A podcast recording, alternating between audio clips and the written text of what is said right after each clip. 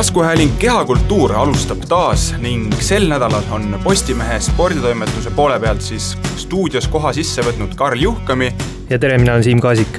ja külaliseks on meil siis täna Eesti jalgpallikoondise rekordinternatsionaal ja, ja eelmine peatreener Martin Reim, tere Martin! tervitus! et äh, põhjus, miks me sind tänase saatesse palusime, on väga lihtne, et Eesti jalgpallikoondis kohtub kolmapäeval Firenzes Itaaliaga ja sel puhul siis mõtlesime, et vaatame tagasi kõikidele olnud mängudele, mida ju tüki kuus lausa on, ja, ja tuleb nentida, need saapamapoed on nagu paganama head olnud, et siiamaani meil üldse hammustada pole võimalik olnud, kuus mängu, meie võrk on selle aja jooksul sahisenud kuusteist korda, meie nende võrku siis sahistanud kaks korda. Ja ühe tabamuse juures, ühe tabamuse autor oled siis ka sina, aga selleni me veel jõuame, sest ehitaks saate üles kronoloogiliselt, ehk siis kõigepealt ikkagi üheksakümne kolmas aasta, Eesti taasiseseisvunud koondisega EM-valiksarja läks, neid mänge pidama hakkas ja Itaalia oli siis esimene suurriik, kes meile vastu loositi, see oli taasiseseisvunud Eesti koondise üheksas mäng, enne seda oli meil saldo neli viiki ja viis kaotust. Polnud üldse ju nii halb, aga mis olid tegelikult nagu need need mõtted ja, ja need tunded, kui üheksakümne kolmanda aasta aprillis Triestes siis äh, Itaaliale vastu pidi minema? jaa, ma isegi, kui te siia saatesse mind kutsusite, siis ma hakkasin nende Itaalia mängude peale mõtlema ja ja tegelikult äh, ka see esimene Trieste mäng on päris isegi hästi meeles, sest äh, see oli tõesti meie jaoks nagu esmakordselt midagi suurt ja olime kohas siis, kus jalgpall oli noh, täitsa püha ja, ja kus, kus elati ainult jalgpalli, jalgpalli nimel, et kõik see möll ja, ja elu seal selle mängu eel ja ümber oli, oli selline, mis oli meile need esimesed üheksa mängu mitte sinna lähedalegi, et, et tegelikult kui juba võtta näiteks staadion, kus me mängisime, esmakordselt mängisime puht jalgpallistaadionil kus siis tribüünid olid põhimõtteliselt kohe väljaku küljejoonelt hakkasid ja niisugune pea püst loodis üles. muidu oli see kergejõustiku no ring. muidu oli sellised jah, et äh, sel ajal ikka oli, oli palju selliseid äh, äh, kombostaadionid, kus oli kõiki asju tehti ja, ja see oli niisugune spetsiaalne, mis tegelikult tekitas olukorra, kus nagu noh, iga pealtvaataja oleks saanud sind puudutada, et et äh, ja kuigi see staadion vist ei olnud väga hirmus suur, ma arvan, kahekümne tuhande või, või kuskil seal, siis äh, siis tegelikult see feeling seal oli selline, et äh, et meil, meil oli jah, niisugune väga-väga suur uus kogemus. jah, mis seal muud mängust, loomulikult Itaalia suurriik, mitmekordne maailmameister enne seda ja ja tähtmängijaid täis, et meile pakuti ikkagi seal päris korralikku äh, nii-öelda saldot enne mängu ja, ja lõpuks, kui see null kaks tuli, siis oli niisugune tunne, nagu oleks võitnud piltlikult öeldes, et noh, me olime nii algus ka ja, ja siis, siis tegelikult see null kaks võõrsil, kuigi me ise ei suutnud seal suurt äh, midagi teha, siis äh, siis oli nagu hea tunne, et me nagu täitsa ma-, mutta ei tambitud ja, ja suutsime mingit moodi vastu, vastu hakata. No vaatasin protokollist järgi, et kakskümmend kaks tuhat eh, silmapaari jälgis teid eh, sellel staadionil, et eelmine rekord oli Malta vastu kümme tuhat, et eh, kui suur see vahe jalgpallurina oli, tunnetasid seda? no pigem ega tavaliselt on seal kakskümmend või nelikümmend tuhat, ega seal ju nagu väga vahet ei tee, aga just seesama staadioni kuju või ehitus, et ta oli puht et jalgpallistaadion, nagu me oleme nüüd harjunud ja nagu meil endal ajale kokku on, eks, et et aga see oli veel niisugune, tundus nii lähedal kõik ja, ja need inimesed äh, ümberringi, et ja Itaalia fännid on valjud ka. on, on. ja mul tuli veel meelde sellega seoses, et mm, siis meil oli ka esmakordselt, ütleme, see sõit sinna staadionile, kus noh, rahvast on ju paksult kõik tänavad täis ja kuidas siis mm, kabarni-, kabarnierid või kes need politseid nagu, kuidas Itaalias kutsutakse, et kuidas nemad äh, mootorratastega teed äh, puhtaks äh, tegi. et see oli selline, et me nagu vaatasime, seal oli noh, peksti autod lihtsalt kahte lehte laiali ja, ja julmalt, et seal, seal oli nii-öelda nagu bussiga lihtsalt kibati kahe rea vahelt ja, ja meie jaoks oli see selline esmakordne, minu arust meil varem selliseid äh, politsei eskorte ei olnud, et pärast see hakkas tulema ka Eestis siin kohapeal, aga aga me vaatasime jah, et kas kumminuiadega noh, täitsa julmalt kohe autosid äh, löödi lömmi, kui, kui signaalide peale ei läinud, et et see mängu eel juba lõi selle adrenaliini üles nii-öelda, et kas see oli midagi sellist, mis oli nauditav või pigem, mis tekitas ärevust ja pani jala värisema? No see bussisõit oli pigem äh, nauditav või see tekitas niisugust elevust, et uus, aga see staadionil ja jah, ma mõtelnud, et ma ei usu, et ta nagu jalga värisema, kindlasti selline adrenaliin tuli sisse ja selline äh, noh, ootusärevus ja kerge selline mm, jah, mitte hirm, aga, aga selline oh, kuidas, kuidas hakkama saab, aga pigem see nagu kontsentreerus ja, ja sa ikkagi võib-olla jooksid seal kaks korda rohkem, kui muidu jaksaks, et et seda nagu hakkama saada. no kui sa tõstad seda politsei eskorti esile, mis üldse nagu need tingimused olid üheksakümne kolmandal aastal Eesti koondises, noh praegu me oleme harjunud, et eraldivad läheks hotelli, toad, sa oled ülejäänud maailmast eraldatud, saad keskenduda mhm. ainult jalgpallile, kuidas tegelikult toona näis Eesti koondises kõik, kõik asjad käisid? No ütleme, see vastuvõtt Itaalias ja see oli muidugi tipp-topp, et seal oli samamoodi nagu kõik teised koondised või suuremad käivad, et need hotellid ja, ja staadionid ja ja kõik olid korras, aga loomulikult kui mõtelda nüüd nagu enda koondise seda ringi, et kui palju seal inimesi või abilisi oli, siis äh, jah, on ka meil suur samm edasi tehtud, et et ega seal palju üle mingi nelja-viie inimese ei olnud võib-olla lisaks meeskonnale, et äh, küll mingeid ametnikke võib-olla jalgpallitegelasi, aga neid, kes äh, otseselt meeskonna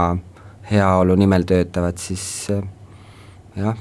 ma isegi nüüd ei julge öelda täpselt, aga peatreener, siis teine treener, kes ka võib-olla väravahte treenis seal ja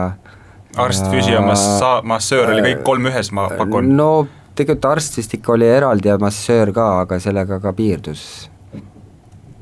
ahtake? jaa, aga noh, see oli, meil oli üldse hea, et me saime osa võtta nendest mängudest, et äh, valikturniiridest ja nii, et, et et me nagu esialgu veel selle peale mõtlenud, oh, et et mis meil kõik puudu on, et ega kui me võrdleme ka tänapäeval, siis äh, ega need tippkoondised on ka seal ju eest ära läinud ja, ja kaugele igasugu äh, naljakaid ametikohti isegi võib seal meeskonna ümber olla, aga mis, mis kokkuvõttes võib-olla nii naljakad ei ole, sest, sest iga pisiasi hakkab lugema ja, ja jah, et, et ma arvan, et noh, tänapäeval hästi aktuaalne, kui tühjad tribüünide juures, et ma arvan, et kindlasti on ka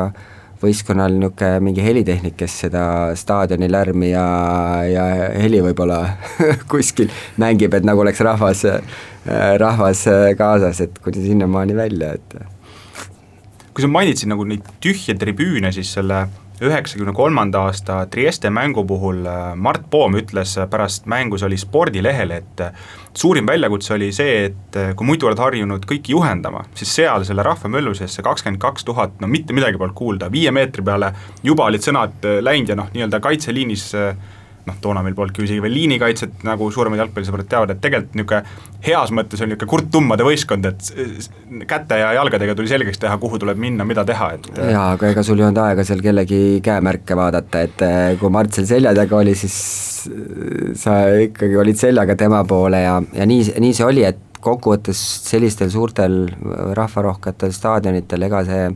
rääkimisega Äh, suurt abi ei ole, et pigem ikkagi selline üksteise tunnetamine ja ja noh, ka pilkude või, või noh, loomulikult sealt karjutakse kas võib-olla keskkaitsjad, et kui liini välja jääda, aga tegelikult see on kõigil juba nii loomusesse, et et neid asju tehakse ühtselt. koondises muidugi on natuke siin teine, kuna sa ju igapäevaselt koos ei mängi, siis, siis alati on see kokkumäng võib olla selline mm, lünklik või, või äh, eksimisvõimeliselt rohkem, et klubis ju igapäevaselt sa võid ka võib-olla rohkem suu kinni mängida ja üksteist aru saada, et et äh, see rääk-, rääkimise teema küll jah, ega A Le Coqil, kui on täitsa paksult rahvast täis ja kisa käib, siis, siis seal väljakul võib-olla siin naabermängijale saad midagi öelda, aga kaugemale mitte. treenerina ma tean seda väga hästi, et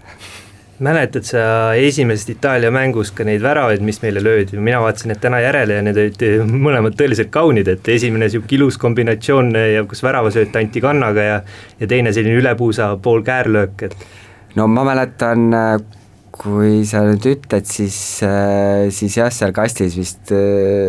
tõmmati meid Alexele esimene, aga kuna see mäng läks ju suht lõpuni üks-null ühe mhm. pealt. et ega meil ei olnud ju mingisuguseid äh, väga väravvõimalusi, aga alati on ju see null-üks selline äh, libe seis, siis, siis see teine värav tuli ju suht, äh, suht mängu lõpus ja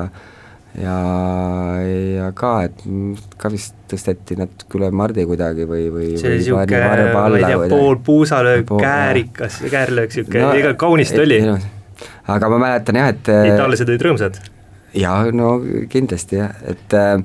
mäletan seda, et me ei mänginud jah, tollal ka liinikaitset, see, mängisime liberoga selgita see ka lahti, ma arvan, et nooremad jalgpallisõbrad ei teagi, et me olime viie, viiemeheline kaitse ja libero oli see no mäng. jaa, ütleme, et praegultki ju viiemehelist kaitseliini mängitakse, aga, aga liinikaitset selles mõttes, et praegusel viiesel kaitseliinil siis, et on võimeline seda liini vähe pikemalt ja suurema nii-öelda kaarega ehitada, et need ääred on hästi kõrgel üleval ja aga vanasti oli siis äh, neljane põhimõtteliselt kaitseliin ja üks liber oli siis, kes julgestas kõiki seal äh, selja taga nii-öelda nagu turvamees. ja, ja see jah, noh, aga sel ajal oli veel niisugune asi nagu, et viska väravahile tagasi koju kätte sööta et, leib. praegu, praegult nagu ei kujutaks ette, et äh, mis mängutempo, mis see mängutempoga teeb, et kui sa saad raskel momendil lükkad väravaid ja võtab kätte ja patsutab ja ootab ja, ja et äh, aga ma mäletan sellest esimesest Trieste mängust jah, et oli mm, liberoga mäng, siis äh, ka väga palju mees-mees mängu mängisime, et eks mitte tsoonimängu, mis on äh, tänapäeval, et igal mängijal on kindlad piirkonnad või tsoonid, kus ta mängib äh, noh, enamus ajast, aga siis oli nii, et sul oli kindel mängija, kelle eest sa pidid vastutama ja kui see jooksis piltlikult öeldes äh, vahetusmeeste pingi juurde juurde võtta, siis äh, meie mängija jooksis kaasa. Niisugune korvpallilik kaitse et see oli, me oleme meelde tuletanud ja mäletagi, et see oli vist mm, kas Paciot või, kedagi, Alar Lell äh, oli siis koondises, minu arust ikkagi mängis ta, see mängis, siis ma mäletan, et oli nagu jutt, et Alar Lell äh, võttis personaalselt äh, Paciot ja jooksis ta igal pool kaasa ja siis oligi nali, et ta läks kuskile varumeeste pingi juurde juua võtta, siis Alari seisis kõrval. aga see oli noh, ülesanne, seda tuli täita sellest samast esimesest mängust tegelikult üks asi tegi eestlased kuulsaks, see oli Risto Kallaste, kui ta oma salto out'i tegi, et äh, kas tol hetkel, noh, teie jaoks oli see tavaline, kas itaallastel saime mingi reaktsiooni selle peale kätte, et vaata, mida need mehed veel suudavad või, või mäletad sa sellega seoses midagi? ei, ma mäletan seda, et Risto salto out'i viskas, et äh, algusaastatel jah, et eh, mingi aeg hakati seda kuidagi nagu vale audina võtma, sest, sest nagu viskehetkel peavad jalad maas olema, et kui, kui siit tagant visab pall nii-öelda käest lahti, läheb jalad ei ole veel maas, siis nagu on vale out. et ütleme nii, et võib-olla kohtunikud olid ka, et kuna nad ei olnud näinud, siis nad ei osanud reageerida. aga kindlasti alguskadel iga selle audi peal oli küll niisugune eh, elevus ka staadionile, et, et ega seda seda väga tihti äh, ei, ei näinud jalgpalliplatsidel, et et ma nüüd nagu otseselt seda, seda Trieste mängu ei mäleta, aga kindlasti, kui ta seal viskas sellise audi, siis äh, mingisugused aplausid või niisugused hõiked sealt tribüünidelt tulid. Äh, pärast Trieste mängu läks viis kuud mööda, siis tuli itaallastega mängida Kadriorus ähm selle mängu kohta informatsiooni otsides torkas mulle esimese asjana silma, et mängiti kunstvalgustusega, aga noh, see kunstvalgustus oli nüüd küll niisugune ju väga, väga ametlik mõiste, et tegelikkuses oli vist selline, et mitte midagi ei näinud ja niisugune nurgalipu juures olid mehed juba hädus hä,, hägused udukogud. jaa, see, mul on ka meeles, et äh, jällegi ju suur mäng, esimene niisugune kodus ja, ja tunduski nagu öösel mängiks, et, et esiteks jah, need mänguajad olid ju seal kuskil kolmveerand kümme või, või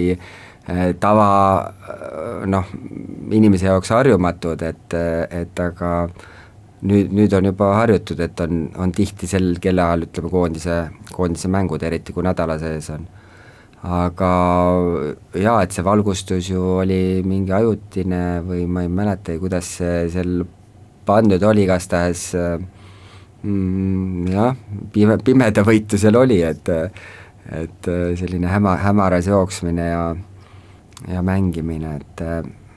et see, see, sellest mängust jah, meenubki, et esimest vist paar mängu me mängisime Itaalia Kadriorus, et need olid kuidagi selliselt pimedas ja ja hästi hilisõhtul ja, ja niisugused emotsionaalsed mängud, jah nagu juba mainisid, see oli esimene selline suurem koondise kodumäng, kus oli tõeline suur, suurriik vastas, et milline see kodune ootus rahvalt oli sellele mängule või milline see meediakajastus oli, kas see oli, oli, oligi nagu suur-suur pidupäev? jaa, ma kindlasti, et äh, Eesti ju inimesed ei olnud äh, sellises mastaabis äh, või selliseid kuulsaid jalgpallureid ju oma juhusilmaga näinud, et ainult telekast ja nüüd, kui kui nad tulid siiasamasse väljakule jooksma, siis, siis see oli ikka paras, paras sündmus, jah. et, et selles samas valikgrupis oli minu arust Portugal meil ka ju kui ma nüüd äh, ei, ei eksi, et äh, või oli see siis, sest me vist mängisime kaks valiksarja suht, suht järjest äh, Itaaliaga, et äh, ühes nendest oli Portugal, kus mängisid näiteks Figo ja, ja Ed, et, et oli, oli ka teine selline väga tipp-tipp äh, kus oli maailma noh, tõelisi äh, legende või tippusid mängimas, et et neid mängijaid siin on käinud päris, päris uhkelt. aga Kadrioru staadioni esine oli siis juba mitu tundi enne mängu avapilet rahvast täis või? sina muidugi seda ei tea, kuulnud võib-olla oled? Äh, jaa, ütleme, et äh, noh, tavaliselt võistkonnad ju tulevad selline poolteist tundi varem staadionile ja, ja reeglina Kadriorus äh, Kole Kokil sa sõidad äh,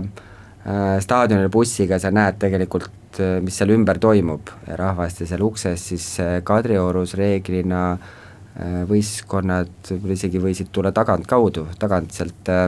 väravast, nii et sa, mis seal ees suures parklas toimus, võib-olla ei teagi, et et selles mõttes oli see natuke jällegi sedasorti staadion, mis ei olnud spetsiaalselt jalgpalli ja aga kuna ta oli selline väike armas, siis, siis need mängud olid seal ka päris mõnusad kui sa mainid, et Eesti inimesed polnud harjunud staaridega, siis ega teie olite ka ju need inimesed, kes polnud harjunud staaridega, ühtäkki sa oled väljakul koos äh,, ma ei tea, kuivõrd nagu professionaalseks te suutsite jääda või oli ikkagi see, et pärast mängu läksid oma vihikuga juurde, et nüüd on sina autogramm, sina autogramm, sinu särki tahan, kuidas nagu kogu see, kogu see melu oli? Äh, no ütleme, et äh, kui särkide vahetust mõelda, siis kuna me pidime ühte ja sama särki terve hooaja mängima, siis tegelikult äh, me särkide vahetust seal väga ei saanud teha või kui e-, algusaastatel ma just et, lugesin, et Portugali ja Itaalia mängude puhul tehti erand, et teiste mängude puhul Loto seda tõesti ei lubanud, aga, aga nende mängude puhul siis võib-olla küll, aga ma mäletan, et, et oli ka selline, et kui nüüd särgi ära vahetas, pidid ise ostma uue asemele, et mängida saaks, et mingi vahe, noh, midagi on teha, et neid loetud arv särke oli ja ja noh, ma mäletan äh, küll, et minu arust sealsamas Triestes, kas äh, Ratnikov mängis meil, tema vahetas vist Pajoga särgid. Või tahtis vahetada ja vist leppis nagu seal kuskil kokku, aga mäletan, kui ma nüüd mälu ei peta, siis, siis nii, et Pacho lõikas vist vahel varrukad maha, sest oli pikka varrukatega, et ma ei tea, kas siis segas või oli palav, et et tuli nagu lühikese särgi, siis me näesime, et nüüd see nagu katkise särgi, et aga ütleme nii, et otsest nüüd ei olnud, et kõik jookseks seal Portugali mängu ajal Figo juurde, kuule vaheta minuga, et ei, ei, et et kellel seal ikka peale mängu noh, juhtusid lähemal ol-, ole-, kellega olid, siis sellega vahetasid ja sellist tormamist ei ole, nii et me ikkagi jäime sedavõrd professionaalideks, et ja allkirju, allkirjavihikutega ka ei, ei, ei jooksnud, et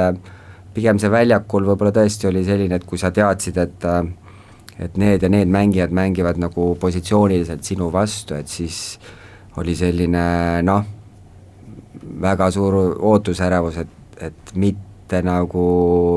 haneks, et pigem olla selline ettevaatlik, olla valmis igaks, igasugusteks asjadeks ja ja see tihtipeale ju noh, siin ükskõik, ma mäletan sama, kui nüüd läheb jällegi vahepeal ma toon seda Portugali Figot, et ma mäletan vist Urmas Rooba teda võttis üks mängija, nii kui ta seal palli ära võttis, siis rahvas oli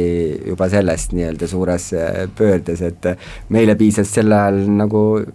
sellistest, kui, kui suutsid äh, neid ässasid takistada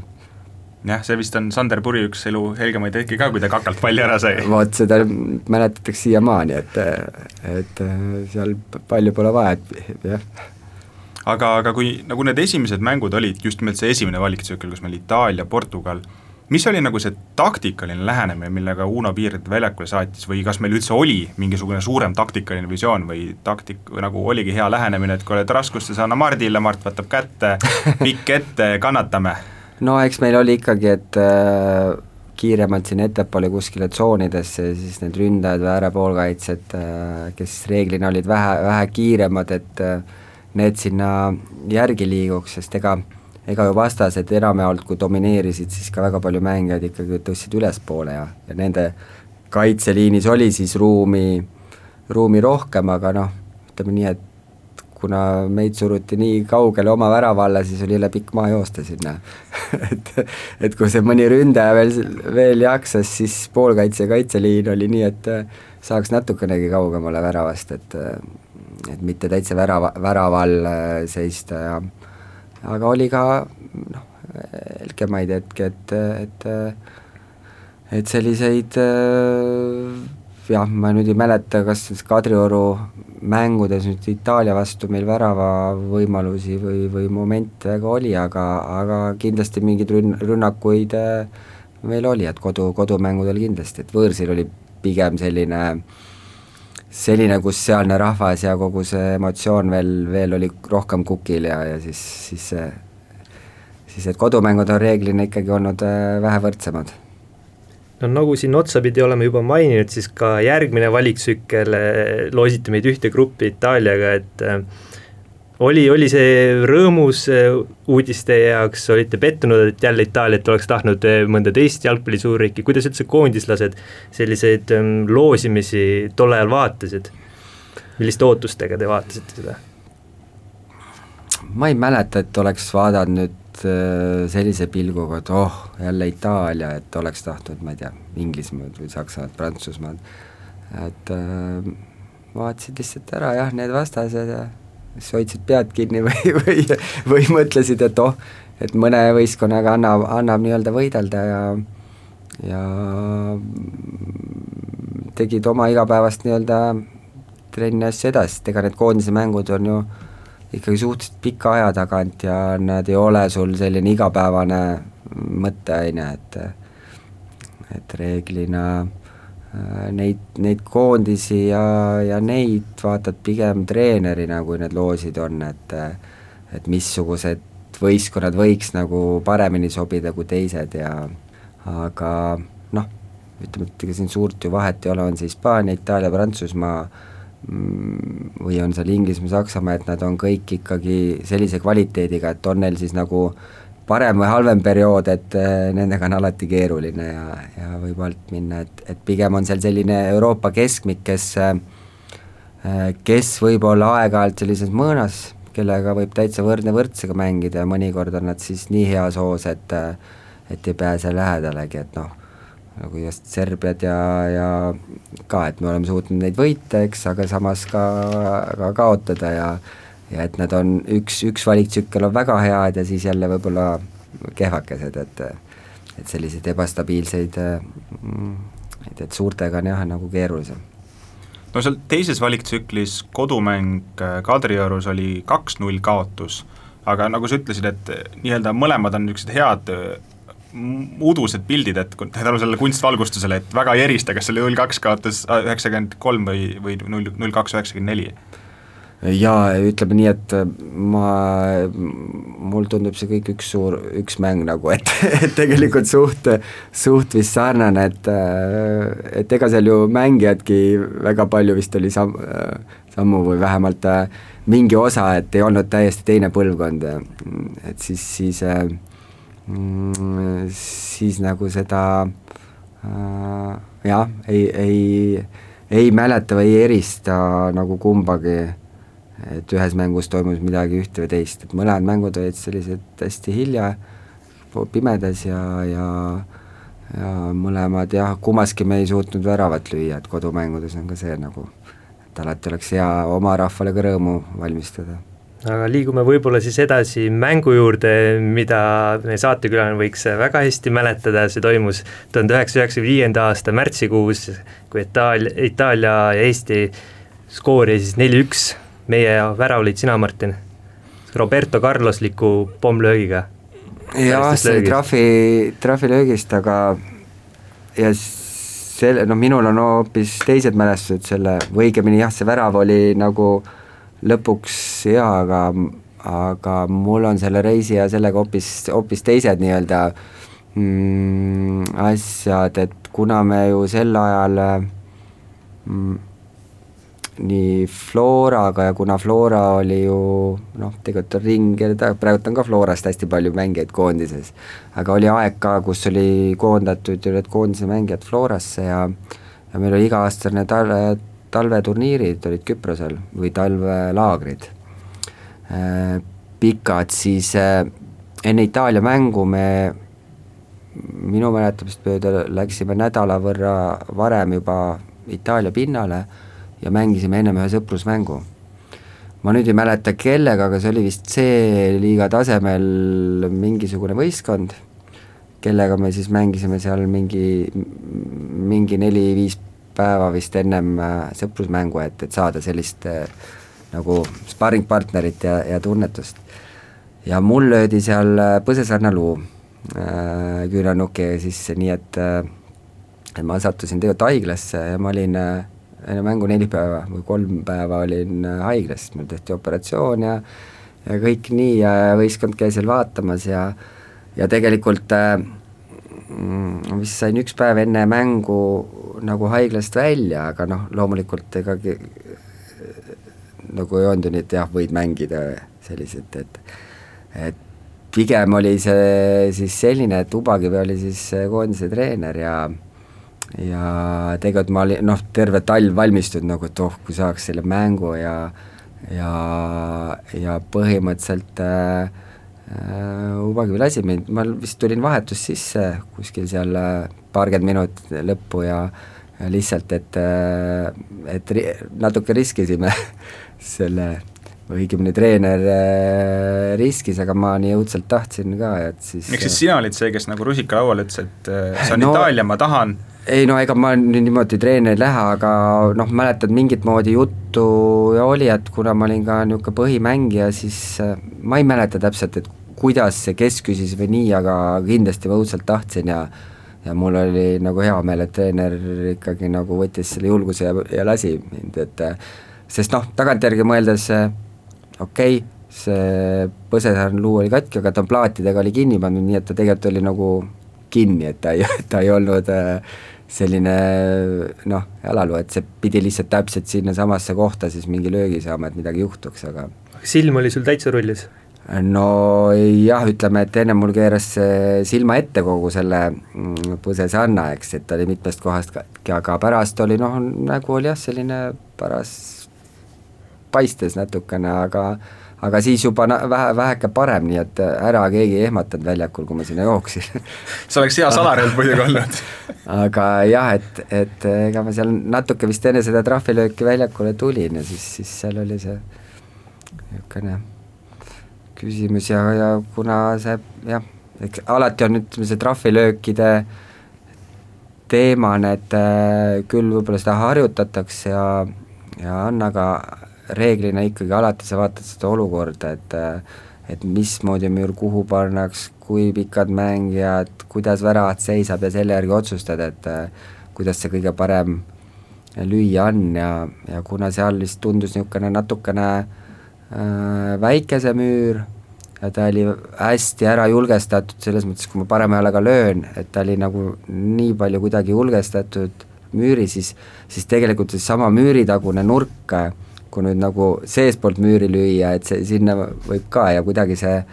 sellise hästi, kui pealsega lööd, siis ta hakkab kerima äh,, kerima nagu väljapoole seda palli, et ma tegelikult nagu otsest vinti seal ei löönud, ma mäletan, aga aga pigem sellise hästi pealse või natuke välisküljega, et ta keeraks siis teisele poole müüri taha ja, ja mingit moodi seal kätt päris värava ei käepõrkest ja läks, et kas ta läks siis nagu ümber müüri või läbi müüri, et ei, nagu müür lagunes natuke? vot minu mäletust mööda nagu seestpoolt müüri, et sealtpoolt, kus nagu väravat on, aga kuna et müür tundus nagu hästi seal ääres või et ei saaks keerutada ümber müüri nagu sealt teiselt poolt siis, siis seal oli, oli võimalus sinna müüri taha nurka nagu lüüa ka otse, et mitte sellist pehmet palli, aga, aga tugevat, et ja noh, vahest õnnestub. kas see on, see oli,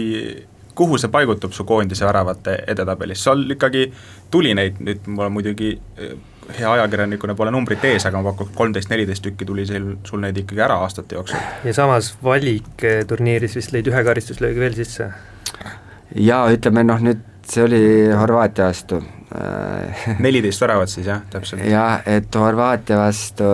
noh nüüd on siin, et loomulikult on alati hea, kui noh, tore, kui lööd nagu suurele koondisele, et, et mitte noh, mitte Lätile või, või ütleme omasugusele, eks, et et kindlasti on äh, teistsugune, aga samas, kui me olime seal ka null-kolm taga, kolm-üks ja nii, siis kokkuvõttes ta nagu väga midagi vahet äh, ei ole, on ju, et ta ei, ta ei too punkti või võitu, et et äh, noh, ütleme, need väravad võib-olla, kui üks-null võidad ja sa lööd värava, on nagu tunduvalt tähtsamad koondisele, ükskõik, kes see siis vastas, vastas ei ole, aga kindlasti endale äh, noh, hea tunne ja see teine värav jah, trahvilöögis Horvaatiale äh,, see vist, ma ei tea, kas üks-null või üks-üks seisule, siis pärast me saime seal mingi seitse-üksteist tappa, et ma sain veel sõimata garderoobis, et miks ma neid är-, üles ärritasin naljaga pooleks, et teinekord võib-olla ei ole vaja lüüagi aga ma saan aru, et muidu sellest põsesõrna luumurrust on sul metallplaadid eh, tänaseni näos, jah? tegelikult mul on jaa, need on sees, kuna seal väga korralikult tehti, siis siin nagu arstid ütlesid, ärme hakka torkima ja ja tegelikult on jah. jälg kogu eluks selleks mängust? Äh, jah, nüüd küll otseselt mitte selleks ja, nagu, aga valmistudes selleks mänguks jah, et äh, et äh, jah, mälestused jäävad kui me karistuslöökide juurde korraks nagu kinni jäime, siis kas sa olidki tol hetkel äh, nii-öelda number üks karistuslöökide lööja Eesti koondises ja kas koondises või üldse, kuidas nagu toona selleks valmistumine käis, noh, sa oskad ju praegu eriti hästi kõrvutada, kuidas praegu kogu ettevalmistustöö trahvilöökidega käib? kindlasti on alati jah, koondises äh,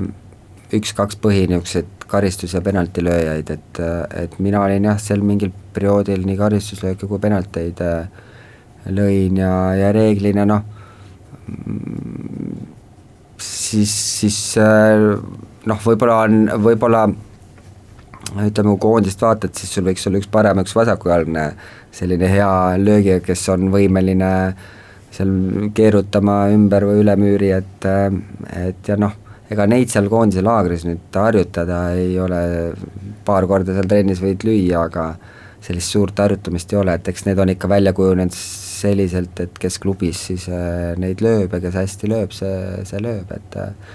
et äh, noh, piltlikult öeldes, kui Kostja praegult lööb äh, trahvilööke ja need on head ja kvaliteetsed, siis, siis keegi teine ei annagi. ennem kui ta noh, väljakult ära ei lähe, eks, et et siis oli ka, et mingi, mingi periood olin jah mina, kes neid mm, trahvilööke lõi, siis mul tuleb veel tegelikult üks valikmängu trahvilöök Fääri saartel vist äh,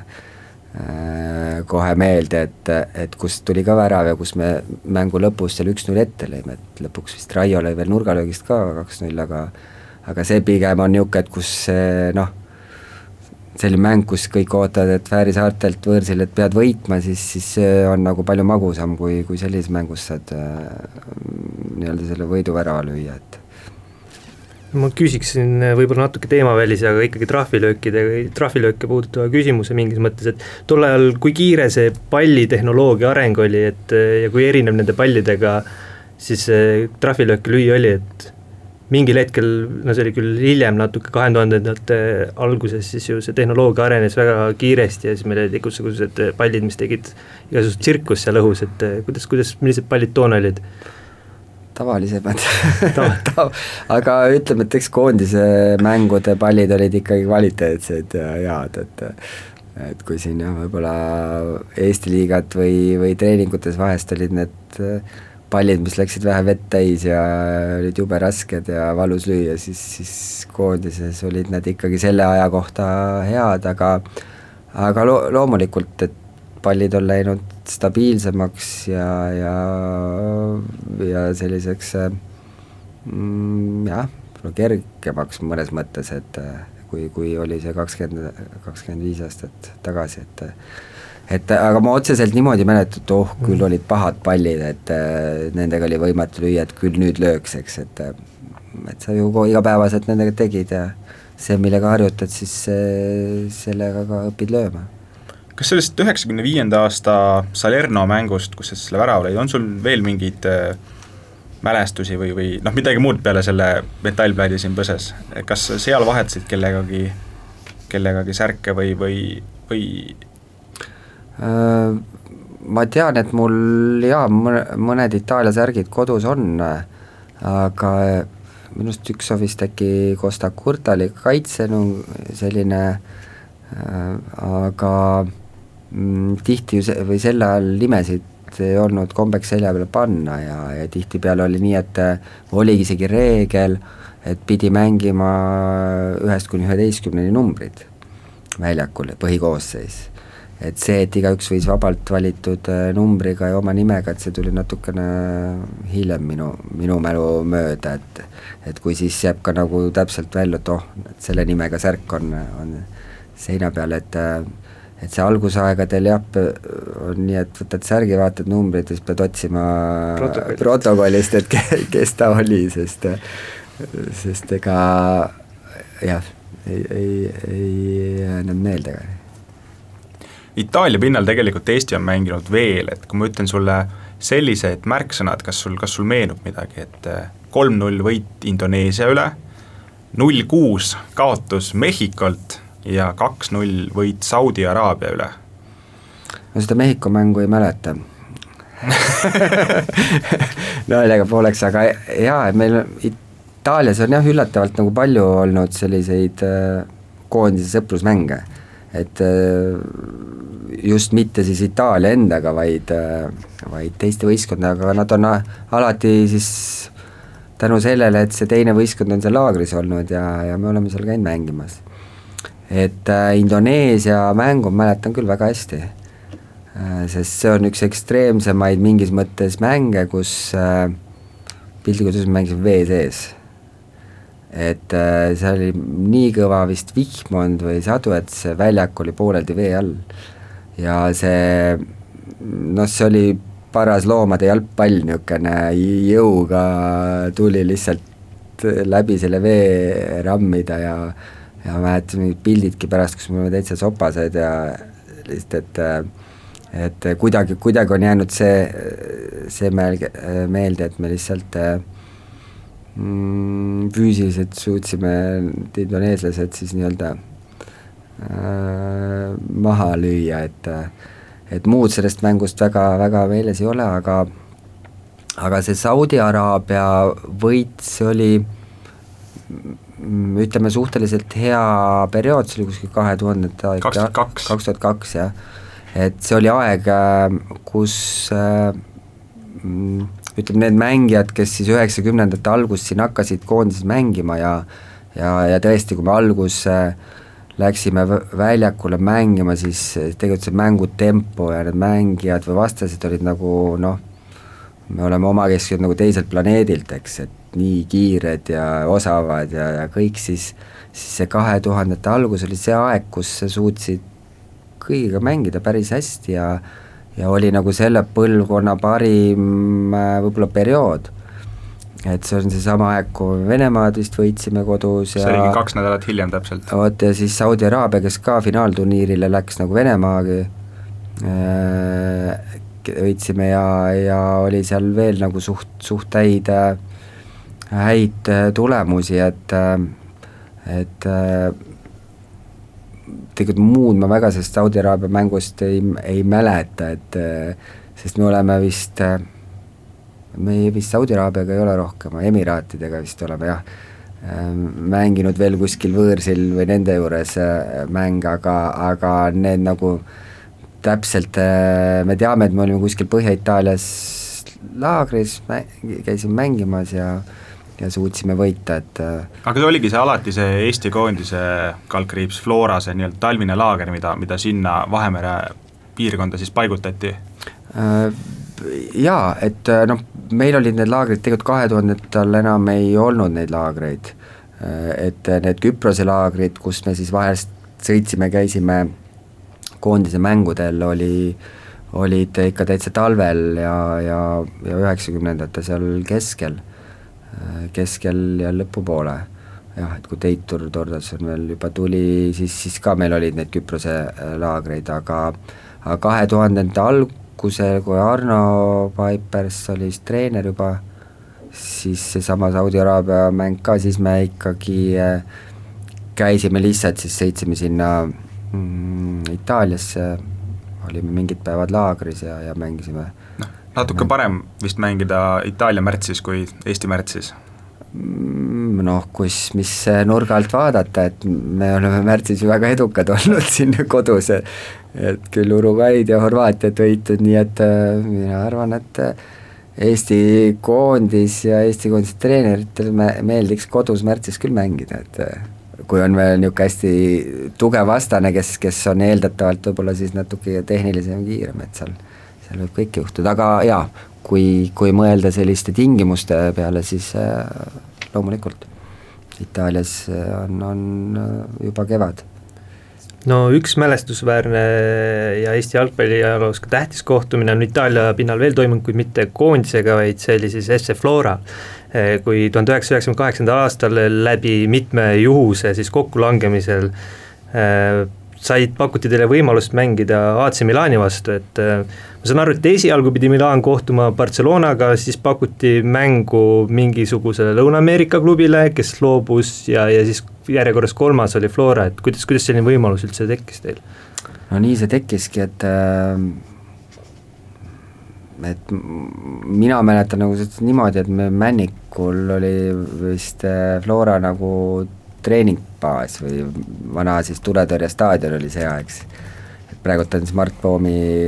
Nõmme United, eks, kodu, koduväljak, aga siis ta oli tuletõrje staadion ja seal me tegime trenni ja see oli ka, ka niisugune hästi varakevadine aeg, ma ei mäletagi, mis see, mis see kuupäev võis äh, olla, kui see mängul igastahes äh, ma ei tea, äh, mina mäletan nagu umbes nii, et me olime siin kuskil pooleldi lumehangede ja sellise sula äh, lume sees, kui siis äh, mm, klubi poolt tuli info, et op, homme on minek. või, või lausa niimoodi, et et jah, homme lähme ja kohe on nagu mäng, et, et seal oli piltlikult öeldes, et äh, põhimõtteliselt kohe lendad ja kohe, kohe mängid, sest äh, sest äh, selline võimalus tekkis ja, ja kohe nii-öelda nagu haarati kinni ja, ja jah, me ka saime aru, et see esimene mäng, mis oli Barcelona kokku lepitud, selline sparring partneritena omavahel, siis äh, midagi seal juhtus, et need äh, jäi ära ja see varuvariant ka kukkus ära ja siis neil oli lihtsalt, et täitsa mängu ei taha ära jätta, et ja, ja nii me siis hooga lendasime otse sinna väljakule. et tegelikult, kui te Milanosse kohale jõudsite, siis olid eh, linnad olid plakateid täis, et eh, Barcelona Milani mäng hakkab. jaa, see, seda oli küll, et, et need olid äh, varasemalt, nii et me esindasime Barcelonat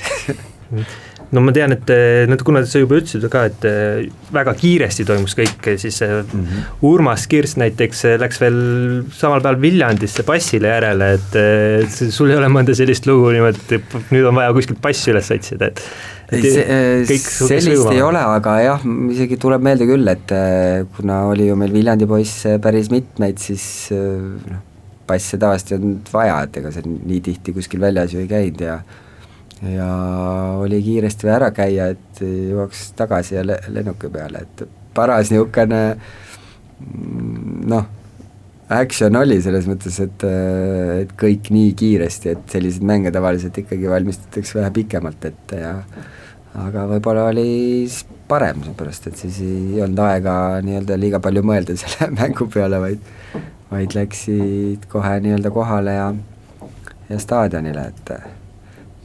tavalisem vutisõber teab sind nagu poolkaitsjana, aga konkreetselt see Milani mäng, kes kaitses pidid müttama olude sunnil, et no aeg-ajalt sind sinna paigutati, et äh... jah, et mul on nagu huvitav, et äh, ma olen mänginud ründes ka ju algus äh, aegadel üheksakümnendate algus ja ka äärepoolikut ja sellist äh, nüüd Flora või koondise eest äh,? isegi koondise eest ma mäletan täitsa kus, et, et äh, seal mingisugused mängud, aga jah, siis ma olin nagu pigem rohkem noh, ütleme kõige rohkem on ikkagi keskpoolkaitses mängida, aga oli periood ka koondises üks aasta aega, kui ma mängisin keskkaitset. ja, ja see sai alguse äh, äkki ühest Šoti mängust võõrsil, kui kas siis Marek Lemsalul äkki löödi midagi vist juhtus, ma pidin asendama kedagi väljaku peal keskkaitsesse ja, ja kuna oli minu arust Marek ja, ja kuna see vigastus või, või kestis kauem, siis siis ja see mäng mul seal enam-vähem hästi välja tuli, siis äh, ma jäingi sinna ma ei tea, pika, terveks aastaks vist, et ma mängisin ikka päris palju, palju mänge, et äh, jah, seesama Šoti mäng, aga ma mäletan mingi mäng, kas oli kuskil Balkani maades, oli siis äh, Sloveenia või, või, või Horvaatia või, või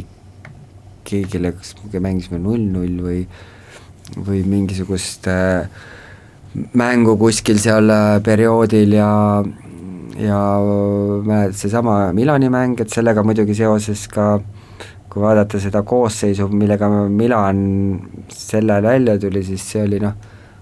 võib-olla isegi tugevam kui mõni koondis, et äh, või et need, need nimed ja mängijad, kes seal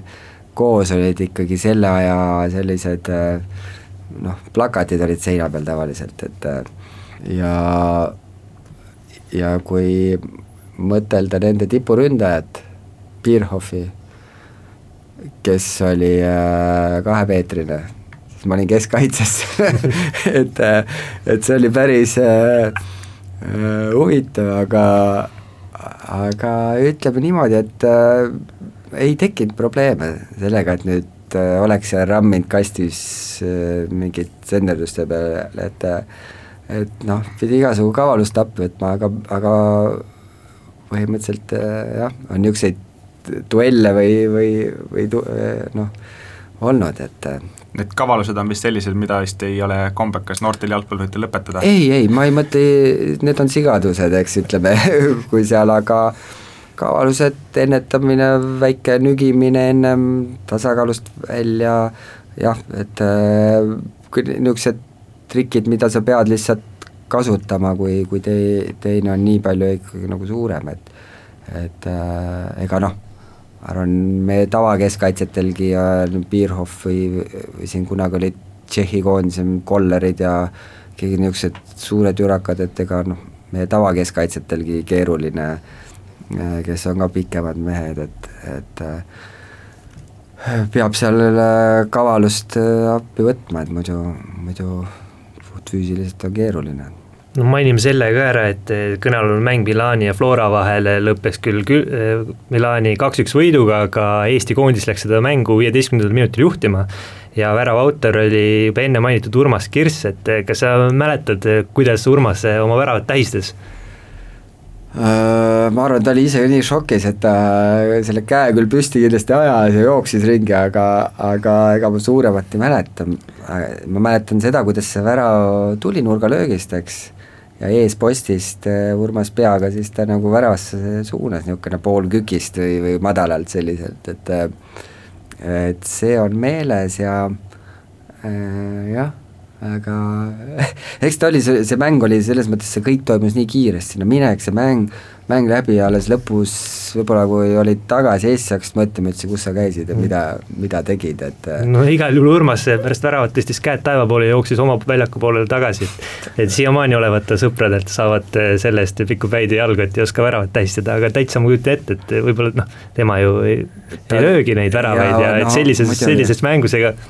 ei oskagi väga muud teha. no loomulikult, ega ma kaitse, ründaja võib-olla mõtleb jah, välja, et okei okay,, kui vära löön, kuidas ma tähistan, eks, et seda tuleb aeg-ajalt ette, aga noh, kaitsena veel sel perioodil, kui, kui väga harva ka väraid lõime, et nüüd nagu mingisugust äh, mingisugust äh, võidutantsu teha või ma ei tea, midagi,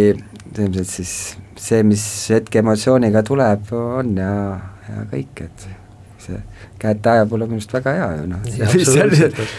et see oli, et seal mängus jah, et kõi-, kõigile oli see nagu ootamatus ja minu arust isegi see üks-null eduseisus oli meil veel mingisugune moment seal mängus, kus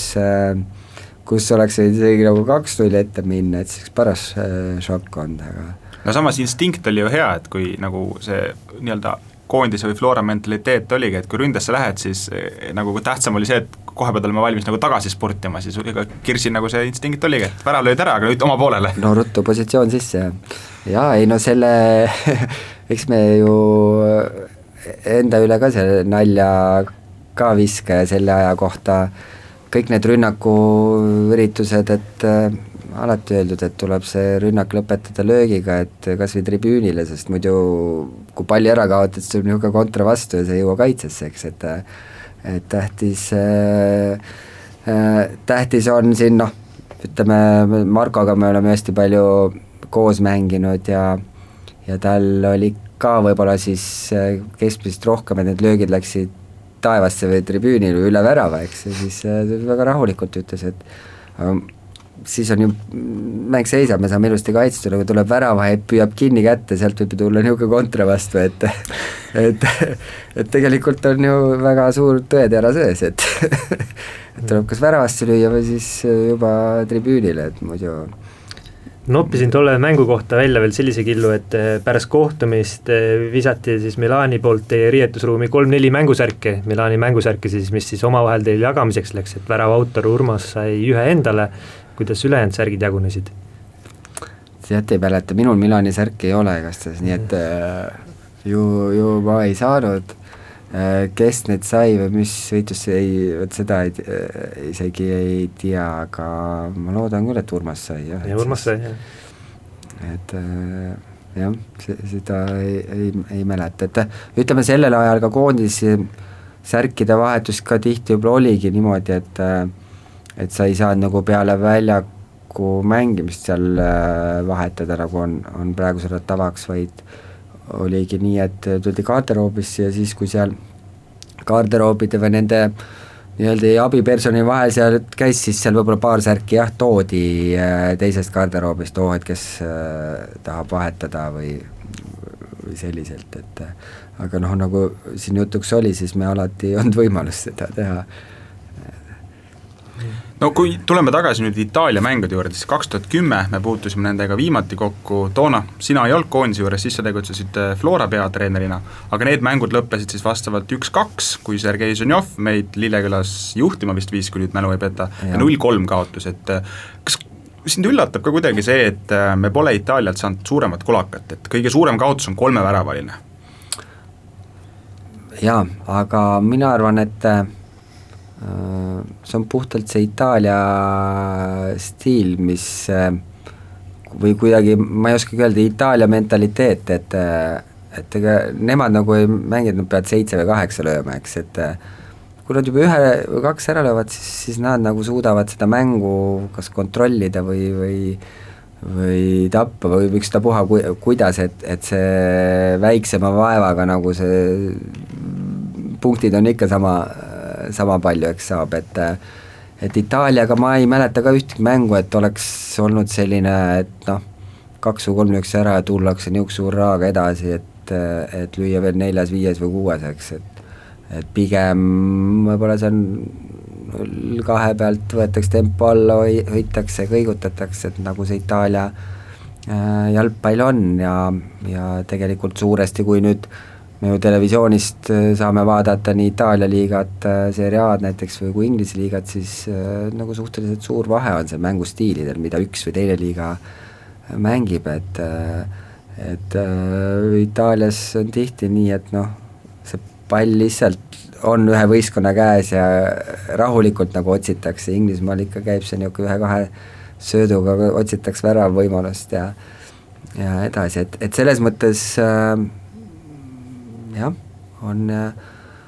Itaalia äh, selline olnud äh, noh, me ei saa öelda tegelikult hea vastane, sest me ei ole kordagi suutnud neid võita, et et ja sõprusmängu me pole kunagi mänginud nende vastu, nii et et kui seda eelseisvat mängu mõelda, siis see on nagu hoopis teise kuidagi nurga alt, et, et kindlasti seal on mm, ka enne neid Nation League'i mängusid mingisuguseid proovimisvõimalusi ka Itaalia koondise poole pealt võib-olla ka uusi mängumehi, kes äh, tahavad ennast näidata, tõestada, saavad rohkem võimalust ja ja, ja võib-olla on nii-öelda motiveeritud ka rohkem, et, et reeglina need vanad põhiolijad, nagu nad võib-olla nii ei, ei pinguta, kui, kui teavad, et see koht on kindel, eks, et peaasi, et võit tuleb ja seal teevad, nii et äh, hästi keeruline on nagu ette, ette näha, mis see mäng äh, tuua võib, aga kindlasti Mm, kui Eesti koondise hetkeseisu vaadata, siis äh, kõva proovikivi ta olema saab mm,. kuidas sa üldse iseloomustaksid äh, tänast Itaalia koondist, et, et kui mina nagu Itaalia koondisele mõtlen, siis äh, tuleb meelde sajandi algusaastate ajad, kahe tuhandendad, et siis oli ju Itaalia meeskonna aura hoopis midagi muud, kui, kui ta praegu on, et äh, oli, oli niisugune noh, täna, täna need noormehed, mehed, kes on kolmekümnendates eluaastates kolmkümmend saamas, et nende jaoks paljudel ongi Itaalia koondis lemmikkoondis. et eh, täna noortel ma ei usu, et Itaalia koondis lemmik on. ma olen sama meelt, et et eh, Itaalia oli siin üheksakümnendate, kahe tuhande, kuskil seal vahel oli ikkagi niisugune number üks maailmas kui need igast et samad äh, Maldiinid ja ma ei tea, kes iganes äh, mängumehed seal, neid järjest tuli ja tuli maailma tipus, siis äh, ega ega Itaalia ei ole ju halb kunagi olnud täitsa nüüd halb, aga ta ei ole nüüd nagu täitsa selles tippude tipus olnud, et kuigi nüüd jah, viimased aasta-paar vist on ta päris hea sellises tõusuteel ja ja hästi, hästi mänginud ja võib-olla tekib see uus uus selline tugev äh, Itaalia koondis, aga sellist äh, sära või sellist aurat jah, seal ümber äh, praegult ei ole, nagu võib-olla siin äh, Saksamaal on või isegi kui ta ka on vahepeal natuke kehvasti mänginud või, või ka prantslastel või, või et Itaalia on kuidagi, kuidagi niisugune varjus vähekene olnud. võib-olla see ka sellepärast, et ei ole konkreetselt sellist ühte A-kategooria superstaari. jah jah, ütleme nii, et ega Portugali me fänname rohkem eks, Cristiano pärast, et eh, mitte äh,, mitte sellepärast, et nüüd Portugal, Itaalia on suht võrdsed võistkonnad, aga, aga itaallastel võib-olla ei ole sellist äh, noh, on häid mängijaid, me ei saa ei, ju vaielda, et aga sellist nüüd nagu super, super seda, mis teeb ühest, ühest võistkonnast võib-olla siis natukene veel midagi erilisemat, jah. Mm aga ma arvan, see on aja küsimus jälle, kui, kui see tekib, et et, et eks, eks siin jah, eks igal riigil ja igal koondisel on omad, omad mingid mõõnad või perioodid ja ja suurematel alati võib-olla see nii välja ei paista või, või ütleme noh, nende mõõn on see, et kui ei tule nüüd suurvõistlusel medalile ja või ei saa poolfinaali, et siis on mõõn, eks. aga võib-olla seal veerandfinaalis nad on ikkagi ja ja, ja nagu meie jaoks ei, ei ole nad kuskil äh, augus, et, et samas Itaalia ju mm, noh, kui me mõtleme siin mingisuguseid koondisi või noh, neid suuri tulemusi on ju tulnud isegi nüüd aastate jooksul ka koondiste vahel, isegi suurtel. eks mäletame kõik Saksa-Brasiilia mängu, eks seda, kui see seitse tuli või mis iganes suur seis, et siis äh, nüüdseni küll klubide tasanditel, et, et need, need vahest need suured seisud mm, tulevad ka nagu suurte sisse, noh klubidel on siin järjest näiteid tulnud, aga aga Itaalia koondis on kuidagi noh, selles mõttes ikkagi mingisugust kvaliteeti või stabiilsust näidanud, et ta nagu seal seal, seal kogu aeg on, on kuskil kuklasse hingamas, et, et et eks kolmapäeval huvitav näha, mis, mismoodi nad äh, meie vastu mängivad ja kui hästi me ütleme nüüd niisuguse suure riigi mängijate vastu saame, sest, sest tegelikult viimased äh, viimased aastad ju sellist äh, tippude tippu vastas pole, nojah, tegelikult Saksa-Holland olid väga tugevad, aga ja. äh, aga jah, et sõprusmängus, sõprusmängus nagu ei ole olnud. noh, pluss siis see teema, et äh, kui palju pannakse rõhku Itaalia mängule, kui on need nii-öelda punktide peale või mõisa peale mängud kohe otsa tulemas, pühapäeval Põhja-Makedoonia ja järgmine kolmapäev Gruusia, et kui, mille põhjal tegelikult äh, peatreeneri tööd hinnatakse, igatahes äh, kolmapäev on see mäng, milles me saame jälle näha, kuidas meie Kalevipojad Saapamaa vutimeestele vastu saavad või kas saavad, loodame, et saavad, aga ilmselgelt need kaalukausid on äh, võõrustajate poole selgelt kaldu, aitäh sulle, Martin, et sa tulid meenutama neid kuut lahingut, mis meil Itaaliaga on olnud ja kehakultuur on uuesti eetris juba uuel nädalal